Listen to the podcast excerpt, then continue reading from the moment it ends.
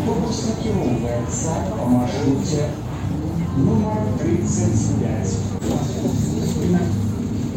Плошча савецкая. Усіх вітаю шаноўныя слухачы. Гэта падкаст утульны горад, а мяне зовут Даша. І сёння мы з вами будзем гаварыць пра вельмі хайповую тэму стан вады ў гарадах. Чаму я назвала гэтую тэму непрыгожым словам хайповая? Таму што насамрэч мне падаецца, нішто не выклікае ў гродзенцаў столькі занепакоенасці, колькі пытанне чаму абмяльчаў нёман, якія воды сцякаюць у рэкі, што там у нас з вадой з-пад крану, чаму яна раптам пацякла не такого колеру, як мы звыклі і так далей так далей. Напэўна, больш людзей турбуюць толькі патэнцыйныя выкіды з гродна азота. І гэта цалкам зразумела, таму што калі мы паглядзім на гэтае пытанне з пункту гледжання філасофска-псіхалагічнай, то нам для жыцця абсалютна неабходны што паветра і вода. Прычым і з паветрам і з вадой у нас заўсёды ўзнікаюць пытанні, А што там уласна ў складзе? Можа мы тут пакрысе атручваемся, пакуль п'ём гэтую ваду і нават дакладна аб гэтым не ведаем. Дык вось, каб разабрацца, ці варта нам насамрэч быць занепакоенымі, у якіх вадаёмах варта купацца, якіх лепей пазбягаць, ці можна піць ваду з-пад крана, і чаму у некаторых гарадах это прынята, а ў некаторых гарадах людзі купляюць вялізныя бутэлькі. З усім гэтым мы будзем разбірацца разам з аператаркай зялёнага тэлефону палінай бурко. З палінай мы ўжо размаўлялі наконт азелянення гарадоў у сёмым выпуску. Паслухайце, калі яшчэ не і абавязкова пастаўце лайк. Добрый дзень спадарня шаноўная. Скажыце, калі ласка, чаму я ўвогуле запрасіла вас размаўляць пра гарады, ваду і што гэта ўвогуле за тэмы такія? Гарады вады як яны звязаны. Прывітанне ўсім. Гэта зноў з вами я паліна бурко з экадома і зялёнага телефона нашага вялікага прикольнага клёвага класнага проекта Чаму мяне запрасілі размаўляць пра ваду думаю таму што да нас вельмі шмат людзей звяртаецца па гэтым пытанні но магу подзяліцца сваім досведам таго як вырашаць праблемы воднай тэмы у беларусі а чаму гарады таму што у многіх гарадах ну так спрадвечна склалася што ў многіх гарадах ёсць рэкі праз якія менавіта гэтыя гарады пачалі з'яўляцца. То бок ад пачатку былі рэкі а потым для іх з'явіліся гарады. А чаму не пабудаваць горад там я не ведаю сярод лесу? Чаму менавіта каля нейкай ракі? Людзі разумелі што ім патрэбна чымсьці харчавацца ім трэба неяк пазней ужо па падарожнічаць то бок гандляваць з іншымі гарадамі. Для таго яны пасяляліся ля рэк это было зручна. Гэта дасяг да вады то бок ну пітной вады па-першае. Па-другое як я ўжо сказала пры сельскай гаспадарцы то бок людзі могуць карыстацца вадой для рашэння.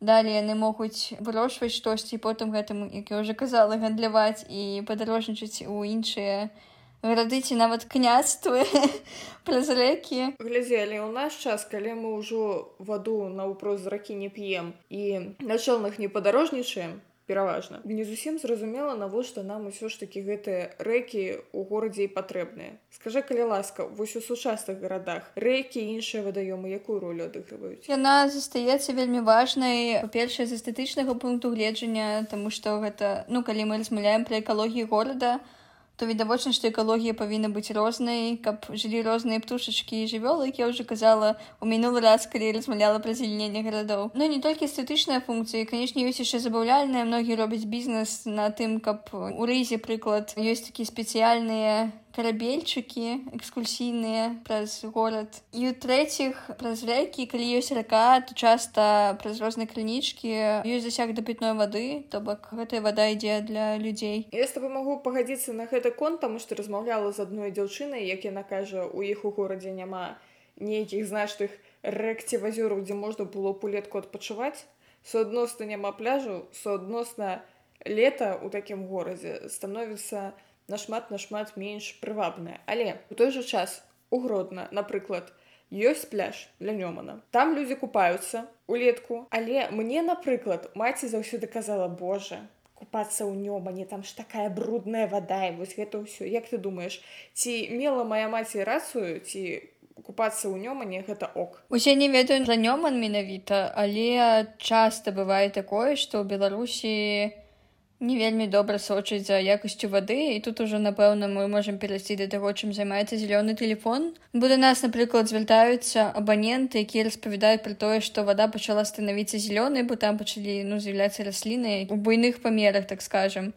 ці напрыклад ёсць выпадкі як недавно у нас такі даволі гучны выпадак быў пра белвід уніфарм. у это віцебская вобласць там ну знаходзіцца прадпрыемства і побач прадпрыемствам знаходзіцца жывёльны могільнік які не павінен там знаходзіцца па многіх нормах. То бок жывёлы просто там застаюцца мёртвы на якіх робіць тэст вакцыны ў розных. Ну вядома што гэта ўсё можа трапляць у ваду быццам бы ніхто гэтым не займаецца. Плюсам да таго нават калі мы не будзем казаць пра такое вось як у гэтым выпадку белвіту не фарм ёсць яшчэ просто шмат месцаў дзе знаходзіцца шмат розных прадпрыемстваў. Ці сельская гаспадарка? На жаль напрыклад калі тычыцца прадпрыемстваў то часта вельмі у нас ёсць такое што спрабуюць зэканоміць грошы з-за гэтага ставіць фільтры не вельмі добрыя ці ўвогуле іх не ставіць. Хаця тут я не магу сказаць дакладна бо няма дасягу да гэтай інфармацыі ўвогуле Але ну як прыклад прывяду светлагорск напэўна там ёсць завод белены целлюлозы там вельмі такая я б сказала нават трагічная сітуацыя з ім. Гэты завод выдае вельмі шмат дрэнных пахаў там метил меркаптан. Для тых хто як і я прагуляў урокі хіміі пазначу што метыл меркаптан ён жа метантыёл. Гэта такі бясколерны таксічны газ з моцным непрыемным пахам. Пры малых канцэнтрацыях гэты пах нагадвае гнілую капусту Бетантыёл атрутны, адносіцца да другого класу небяспекі. Карацей, калі ў паветры яго зашмат, можна ім надышацца і атруціцца. Ну што б там не спрабавалі рабіць мясцовыя актывісты актывісткі, нічога не рабілася, пакуль Украіна не пачала біць трывогу, бо знайшлі ў рацэ нейкія атручвальныя рэчывы. Вось так. Ну то бок такое бывае у нас у краіне гэта прымушае нас задумацца аб тым ці варта плаваць у гэтай вадзе бо ніколі не ведае што там будзе. Ну і пра сельскую гаспадарку таксама калі з'яўляецца вельмі моцная расліннасць на вадзе менавіта. Часта бывае што розныя хімічныя рэчывы якія выкарыстоўваюцца для ўзнаення сельскагаспадарчых тэрыторый яны трапляюць у ваду і за гэтага з'яўляецца расліннасць ва ўсім гэтым можна знайсці шмат непрыемнага тому што напрыклад калі раслі расліннасць вельмі вялікая то там з'яўляюцца многія ну, жывёлы птушкі часта яны могуць прыносіць глісты напрыклад якія у тым ліку небяспечныя для чалавека зразумела давай вернемся на хвіліначку да гэтай фарматаўтычнай кампаніі з яе мёртвымі жывёламі таму што ну просто жесць якаясьці і яно яшчэ так і гучыць то бок яны масава хавалі трупы жывёлу ля ракі і праз грунтовыя воды разлагаючыся ўсякія кампаненты траплялі ў ваду я правильно разумею? Гэта не ў мінулым часе гэта ўсё яшчэ адбываецца і не ракаты па-моему возера і па-моему здаецца доўжаць неяк так то бок там ля прадпрыемства знаходзіцца у возера так і знаходзіцца ў прадпрыемстве самім жывёльны могільнік. З-за чаго гэтая інфармацыя пачала з'яўляцца? Таму што прадпрыемства збіраюцца пашыраць там збіраюцца вырабляць вакцыны ад каранавіруса але раней яно выкарыстоўваецца толькі для вырабу вакцын для жывёлаў. І гэтыя вакцыны праходзілі тэст на тых жа жывёлах. Потым гэтай жывёлы захоўвалі ну просто закопалі побач прадпрыемствам. і Але калі пачалі рабіць план, ёсць такія спецыяльныя справаздачы аб уздзеянні на навакольнае асяроддзе, калі прям зусім па-сур'ёзнаму, калі робяцца розныя прадпрыемствы, іх пішуць спецыяльныя арганізацыі. І вось проста калі пачалі пашыраць гэта прадпрыемства, калі забілі новую гэтую справаздачу там было адзначана што ну насамрэч тут ёсць жывёльны могільнік у самой справаздачы было напісана што лепш яго не выкарыстоўваць таму што знаходзіцца вада і гэта парушае санітарнай нормы. Калі б не было гэтага пашырення гэтага прадпрыемства калі б просто выпадкова мне пабачылі што там пішуць у гэтай справаздачы напэўна людзі б нават не даведаліся што вось такое вось здараецца але так з-за таго што там ёсць жывёлы на якіх рабілі тэст увага вакцын то бок вірусы розныя ўсё такое як мінімум ну могільнік знаходзіцца вось літаральна там по-моему 150 метров ці нешта такое. Насамрэч 520 метров. Ну я зараз думаю па-першае што вірусы яны у мёртвым арганізме не асабліва жывуць але ну просто сам факт што разлагаюцца звярушкі і гэта ўсё трапляю ваду гэта не вельмі прыемна мне стало цікава што ж там усё-таки такое збел від уніфарм і каб разабрацца падрабязней я полезла куды правільна у google. У 2021 годзе таварыства з абмежаванай адказнасцю экалогіі сервіс рабіла справаздачу наконт уздзеяння дзейнасці кампаніі белвід уніфарм на навакольнае асяроддзе дык вось на апошняй старонцы у шостым пункце раздзелу высновы пазначаны што магчымы негатыўны эфект аб'екта на паверхневыя і падземныя воды і недры ў сувязі з эксплуатацыяй скатамогільніка і летніх лагероў для сельскагаспадарчых жывёл. Каб вы разумелі, летнія лагеры для жывёлінак гэта не тое ж самае, што дзіцячы лагер зуброўнак. Гэта такі сезонны вытворчы гаспадарчы цэнтр. Там жывёлінкі адпачываюць, іх там дояць, кормяць, і праводзіць усякія розныя вытворчыя сельскагаспадарчыя працэсы. Ну карацей, улетку будуюць такія драўляныя неацяпляльныя домікі, дзе жывёлянкі чыляць на адкрытым паветры, калі добрае надвор'е. Ведаеце, мне не тое, каб падабаецца, калі ва ўсякіх дакументах пішу слова магчыма. Ну як бы магчыма будзе, а магчыма не, але гэта трэба мець на ўвазе. А што наконт гэтай будоўлі новага комплексу, дзе будуць вытвараць вакцыну супраць каранавіруса, то на сайце Белвет Уніфарм у раздзеле акцыянерам пазначана, што прадпрыемства сапраўды плануе пабудаваць новы вытворчы корпус, дзе будуць рабіць медыцынскую вакцыну супраць каранавірусу SARS-CoV-2 і што будзе гэта ўсё ў адпаведнасці з ТКП 030 2017 належная вытворчая практыка. ТКП гэта тэхнічны кодекс, усталяваўшыйся практыкі. ТКП устанавлівае прынцыпы і правілы, па якіх трэба вытвараць усякія лекавыя сродкі. Карацей, быццам бы ўсё па законе, але верагоднасць таго, што тут будуць нейкія праблемкі з-за таго скатамогільніку прысутнічаюць. А я зараз падумала пра звычайныя чалавецкія могілкі, Яны ж таксама ад часу да часу бываюць там ля рэк, ля вазёраў, як з гэтым быць. Ну то бок ёсць нейкія санітарныя нормы, што як бы вы не можаце там рабіць могілкі бліжэй, чым за некалькі соцень метраў да вады я правильно разумею? Так ёсць нормы. Не павінны знаходзіцца розныя месцы якія несуць розныя адходы не павінны знаходзіцца ля вады. Дзе пра гэта ўсё можна пачытаць падрабязней я вам зараз распавяду. Ёсць у нас такі закон о пахаванні і пахавальнай справе. У артыкуле 19 напісана, што забаронена ствараць месцы пахаванняў у межах вадахоўных аб'ектаў састаяннем грунтовых вод меней за два метра ад паверхні зямлі і на участках, якія затапліваюцца або схільныя да апоўзняў і абвалу. А яшчэ нельга рабіць могілкі, у забалочаных земельных участках. Таму калі вы раптам даведаліся, што камусьці прыйшла ў галаву геніяльная ідэя зрабіць новыя могілкі недзе на балоце, то гэта супярэчыць закону Рэспублікі Беларусь. Маеце гэта на ўвазе, а яшчэ маеце на ўвазе, што хутка у адным з наступных выпускаў мы будзем гаварыць пра могілкі з экспертам па могілках. Таму подписывайтеся хутчэй на падкаст, каб не пропусціць гэты выпуск. Okay, давай тады ад тэмы смерці да тэмы маруднага памірання. Нёман мельчае задала я сабе такое пытанне таму што неяк вось у нас прынята гаварыць што вось там-то недзе не ведаю у рассіі вы бачылі вогу там такая рака. А нашай рэчкі ну усе якісьці пераплюечкі ёсць адчуванне што яны з гадамі становяцца ўсё мельчэй і мельчэй скажы калі ласка ці так гэта ці гэта моя ностальгія по тым што авось у дзяцінстве там дрэвы былі вышэйшыя не насамрэч гэта так на жаль гэта не толькі беларусі сітуацыя а ва ўсім свеце бо ну просто глобальнае пацяпленне кліматычныя змены на жаль здараюцца плюсам да таго у нас увогуле тэмпература паветра павялічваецца і-за гэтага просто пачынае высыхаць вода у рэках Да таго ж, як я знайшла інфармацыю менавіта пра нёман, ёсць гідраэлектрастанцыя дзесьці побач сігротна. Для яе было створана спецыяльнае вадасховішча, якое забірае вось воду з тых маленькіх рэчак, вада з якіх ідзе ў нёман потым. За гэта відавочна вада можа ну то бок яе будзе не так шмат у самім нёмане. Вось мы і знайшлі, хто скраў ваду з нёмана.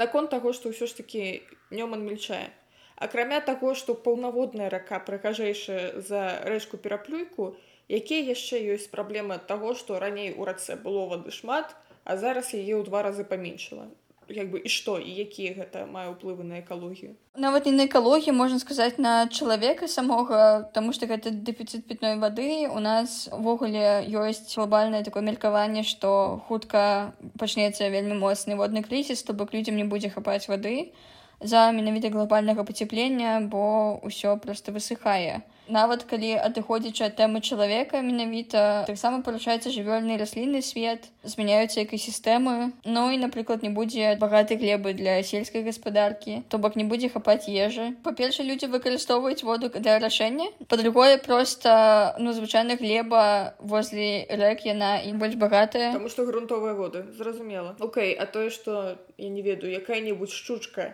яна раней плавала ў нёмане а зараз ёй не глыбокая яна такая э толькі ногі памачыць не буду увогуле купацца ў тваім нёмане і ўплыве гэта ёсць такое Я не ведаю дакладна менавіта пра шчучку але ну так я ж казала што змяняецца жывёльны свет і раслінны свет у тым ліку. Калі прям зусім глобальным думаць то я думаю што справа не тым што шчучка пераплыве кудысь а ў тым што шчучка ўвогуле не зможа нідзе жыць існаваць Таму што ўсё ж так засыхае вода.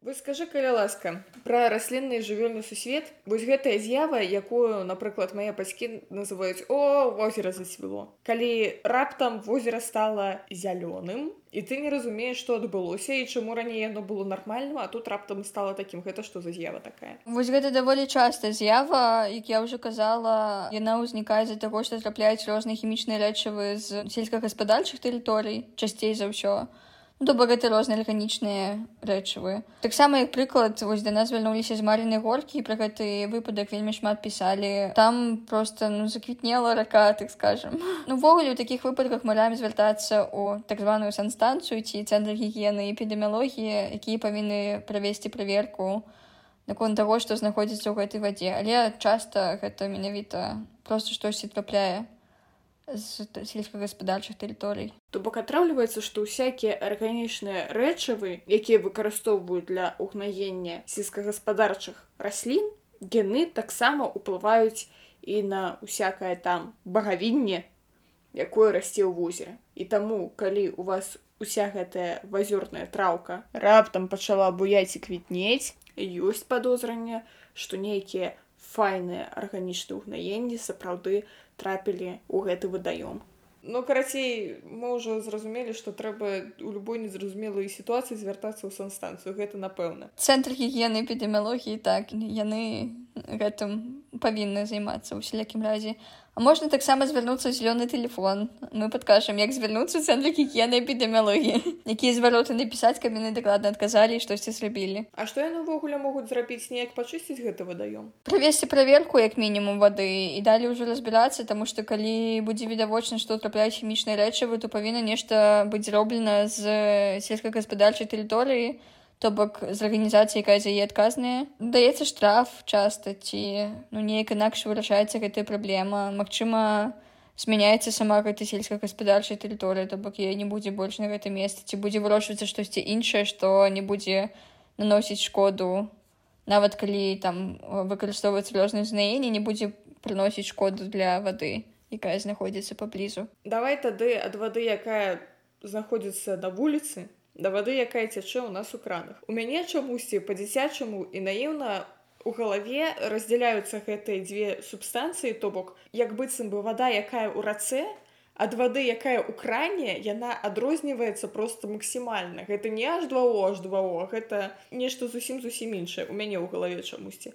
Можаш калі ласка размяшаць гэты мой стэеатып і распавесці адкуль насамрэч у кране бярэцца вада як яна звязаная з вадой у вадаёмах? Ну вода з-пад крану у большасці выпадкаў у наших вось краінах это нашага рэгіёна Беларусь Украіна Росія Латва Латвія ўсё што паблізу яна бярэцца з-пад зямлі то бок ёсць крыніцы падземныя і праходзіць проста ачыстку дадатковую і так трапляе да нас у краны таксама ў некаторых выпадках. Напрыклад я чытала пра рыгу у якой зараз жыву што тут частка вады ў некаторых раёнах ідзе з крыніц у даўгаве даўгава гэта рака заходняя дзвіна по-нашаму але такая вада лічыцца менш якаснай чым тая якая бярэцца з-пад зямлі бо пад зямлёй у меншы шанец што туды трапіць штосьці не зусім прыемнае так скажем. То бок розныя пестыцыды напрыклад ці розныя хімічныя рэчывы у беларусі у асноўным таксама падземнай крыніцы але напрыклад не з такой вялікай глыбіні як у рызе у рызе бярэцца там 500 метров по-моему я чытала беларусі 300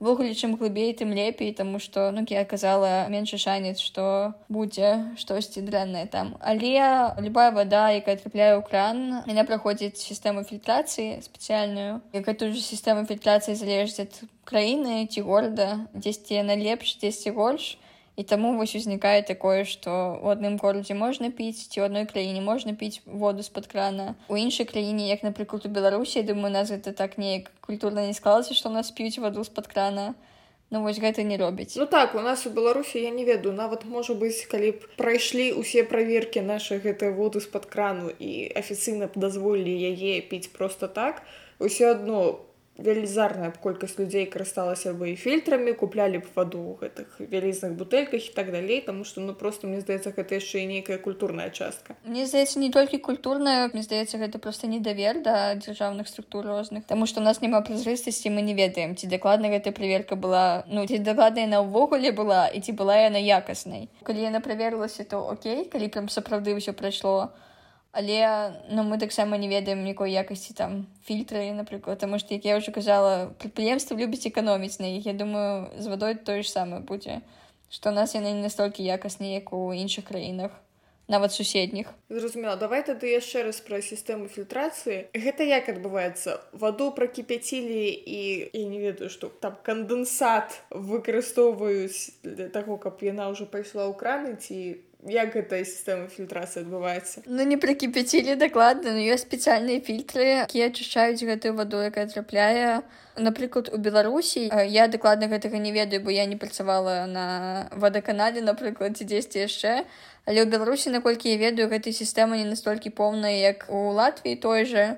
Ачышчаецца толькі ну першапачаткова то бок ад асноўных такіх элементаў але ўсё роўна ў вадзе застаецца по-моему там солі магнія кальцыя і жалеза то бок яно не зусім добра для чалавека вода застаецца жорсткай і калі прымаць такую ваду часта то могуць узнікнуць камяні у нырках ці ў мачавым пузыры з іншага боку калі вода наадварот занадта моцна ачышчана калі яна так званая мягкая то гэта таксама не вельмі добра для чалавека але ёсць пэўныя стандарты бо наколькі памятаю у літве таксама можна піць ваду з-пад крана. Вось у латвіі спецыяльна гэта робіцца Дарэчы, справа не толькі ў фільтрацыі, мне здаецца, вось тут, калі я толькі сюды пераехала, мне казалі, што ваду з-пад крана можна піць, але глядзі асцярожна, калі дом стары, не варта, Таму што фільтрацыя фільтрацыі, але яшчэ трубы стары могуць быць дзесьці і з-за гэтага трапляе жалеза якое-небудзь ад саміх труб. І яшчэ мне здаецца, у Беларусі ёсць праблема, што ў нас ну, у сялякім разе ў мінску вельмі часта заўважала, што ваду быццам бы дадаюць хлорку,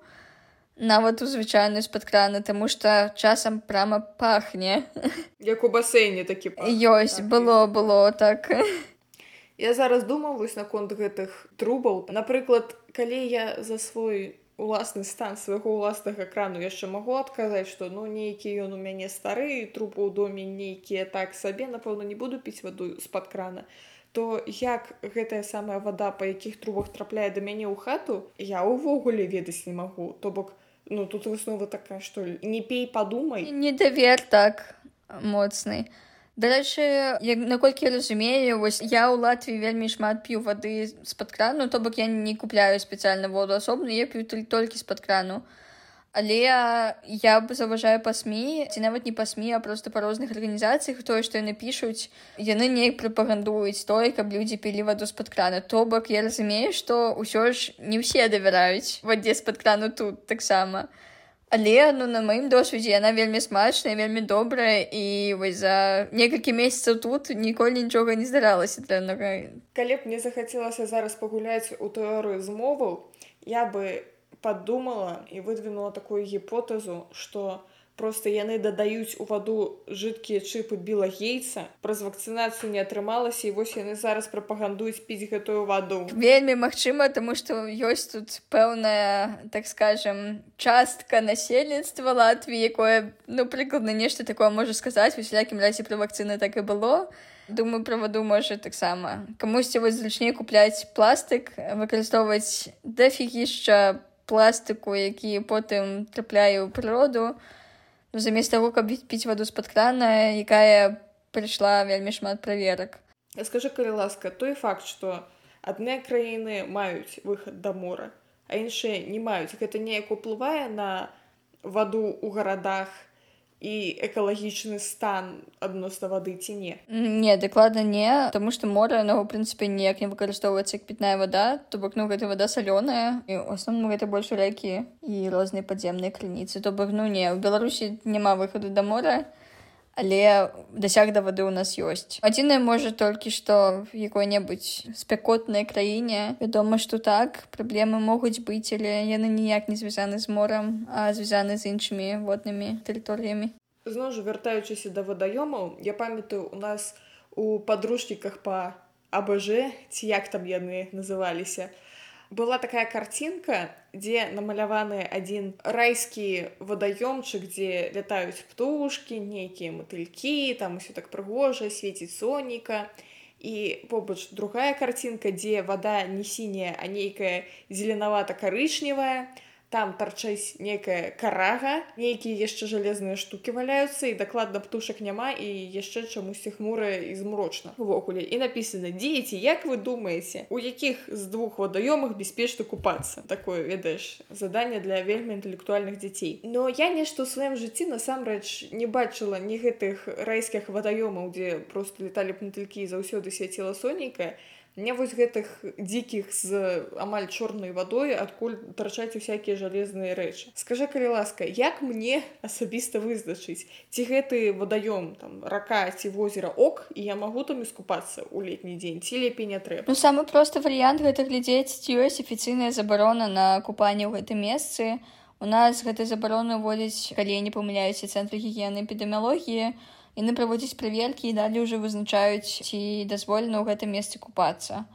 Але б усё ж я не давярала толькі цэнтру гігіены эпідэміялогіі. Я б таксама дадаткова па-перша чытала б навіны калі той жа экадом напрыклад піша што вось ёсць прадпрыемства якое якога трапляе нешта ў ваду але забароны ні ад каго няма то вядома я б там не плавала напэўна таму што ну гэта ўсё можа трапіць і на мяне потым. Добры знак то бок дрэнны знак таго што вода можа быць дрэннай гэта вялікая колькасць тушак там качкі гусі чайкі нават. Таму што як я ўжо казала раней ад іх могуць распаўсюджвацца глісты. І ёсць нават такія глісты якія ну напэўна ты вельмі шмат пра іх чула такія якія ў скуру да чалавека так. І ад іх потым з'яўляюцца такія пузыры на целе і все пачынае свярбець гэта вельмі частая гісторыя бы нават на сваім досведзе ну мяне ніколі такога не было але я бачыла хлопца якога такое было бо ён паплаваў лошацы ў вадасховішчы калі там была забарона на купанне ну, з таких парадаў простых не варта вось прадпрыемствы дзе не варта дзе нейкі буйныя сельскагаспадарчай тэрыторыі але ну таксама гэта выбар чалавека напэўна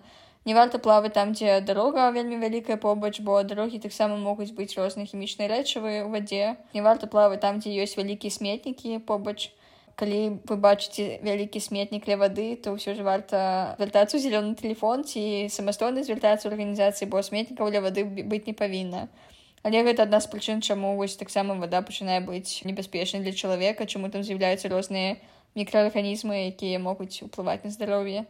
Зразумела вось ты мне зараз развянчала стэеатып пра птушак таму што я думала што ну напэўна дзе плавае лебедь там напэўна вода чыстая бо лебедь ён же не дурны ну дарэчы калі гэта адзін можа быць ну не заўсёды нават тут у латвіі заўважаю што дзесьці плаваюць птушкі але забарона не стаіць хаця я даволі давяраю таму іх тут робяцца праверкі я бачу што іх робяць даволі часта не раз там у год а некалькі разоў ну я думаю калі іх шмат калі ну бачна што гэтае месца яно прям вельмі шмат птушак розных сабе выкачак напрыклад то ўсё ж так варта задумацца пра гэта не ці варта хаця б дадаткова даведацца калі была апошняя праверка і ці дакладна ўсё ў парадку Ну вось нават памятаю мінскае мора тое ж там таксама ёсць лебедь некалькі я ў дзяцінстве не разумела чаму вось можа быць штосьці неправільна мне маці казала што ну асцярожны з гэтым і потым уже калі падаросла я чытала ўжо навінах там ну былі перыяды майго жыцця калі там нельга было купацца таму што знаходзілі штосьці менавіта птушак. Зразумела я думаю можа у латвіі гэтыя ўсе кашкі вакцынуюцца ўвогуле ці ім там падбрасваюць гэты таблеткі ад глістоў возера не? Я не думаю што гэта так. Я думаю тут таксама бывае што забараняюць купацца дзесьці і таксама за птушак Мне здаецца гэта просто ну выпадак калі птушка сама пачапіла нешта то гэта потым знаходзіць у вадзе і забараняюць пацца плаваць зразумела я просто ўжо прыдумала такую паралель што прапагандуюць піць ваду з-пад крана таму што чып убіла ейца а самі таксама нечым падкармліваюць птушак, каб чыпаваць яшчэ і лебядзей. Геніяльна.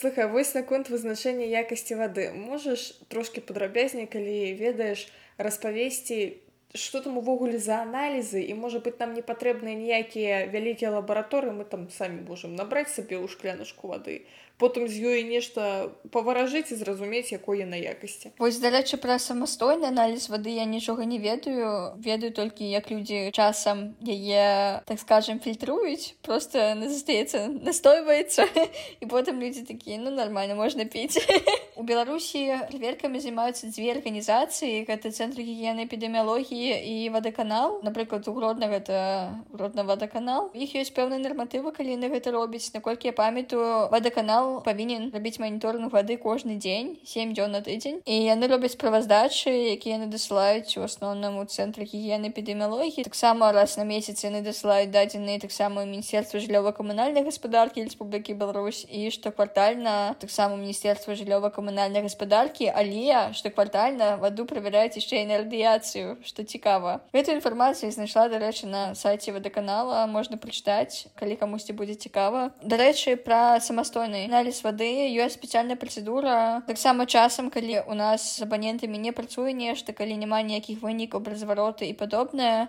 можна зрабіць платны аналіз вады ў цэнтры гігіены эпідэміялогіі по-моему мінімальны кошт там 50 рублёў і максімальны там 200 з чымсьці калі робяць яны самі прыязджаюць рыць воду на пробу і робіць аналіз яе а ваду яшчэ трэба нейкім спецыяльным чынам браць на пробу то бок недастаткова просто сабе ў слоік наліць і нормально. Так наколькі я ведаю так. Гэта таксама інфармацыя на падрабязна напісана на сайце цэнтры гігіены эпідэміялогіі калі загугліць просто як правесці аналіз вады ну наколькі я разумею прыязджаюць спецыяльныя людзі і самі робяць А вось глядзі ты узгадала гэты вясёлы спосаб ачысціць воду наліць у шклянку няхай пастаіць стаялася можна піць скажа каля ласка чаму гэта не працуе можа працуе але ў тых выпадках калі нармальна працуюць і фільтры то бы калі вада сама па сабе пітная з-пад крану тады можна і настаять чыста для таго каб яна на можа тэмпературу трымала больш нармальную больш комфортную газікі неяк інакш ляглі я дарэчы чытала пра васьмінавіта адстойванне вады ў латвіі што тут некаторыя людзі гэта робяць але чыста за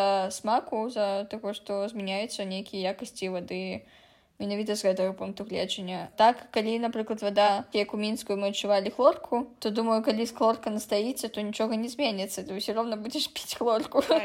Слухай давай ад мінску тады бліжэй да гродна ці ведаеш ты што-небудзь пра якасць вады менавіта ў маім улюбёным горадзе. Шчыра прям даклада нічога не ведаю толькі ведаю што яна прыходзіць такую ж праверку як у любых іншых гарадах беларусі. Сем дзён на тыдзень робіць гэта родна вадаканал напэўна мне было б цікава паслухаць гэта цябе твой досвед. Як ты лічыш якая вода ну глядзі ваду з-пад крана мы дакладна не пілі. І не толькі таму што там у нас быў пэўны недавер а просто таму што у яна не вельмі прыемна пахла. То бок мыцца было ок але вось калі там прынюхацца ці нешта яе ў рот набраць ты пачынаеш разумець што трошкі нешта не тое. Можа быць гэта менавіта была якраз хлорка як ты кажаш. Ну мы воду куплялі. Ёсць людзі ў грудні якія маюць фільтры і гэта насамрэч больш экалагічна я так лічу чым бясконца купляць гэты пластык хоць мы потым яго і здавалі на пераработку Ну вось пра нёман так насамрэч гэта клопат гродзенскіх актывістаў наконт таго што што там з вадою нёмане нёман абмельчаў і так далей.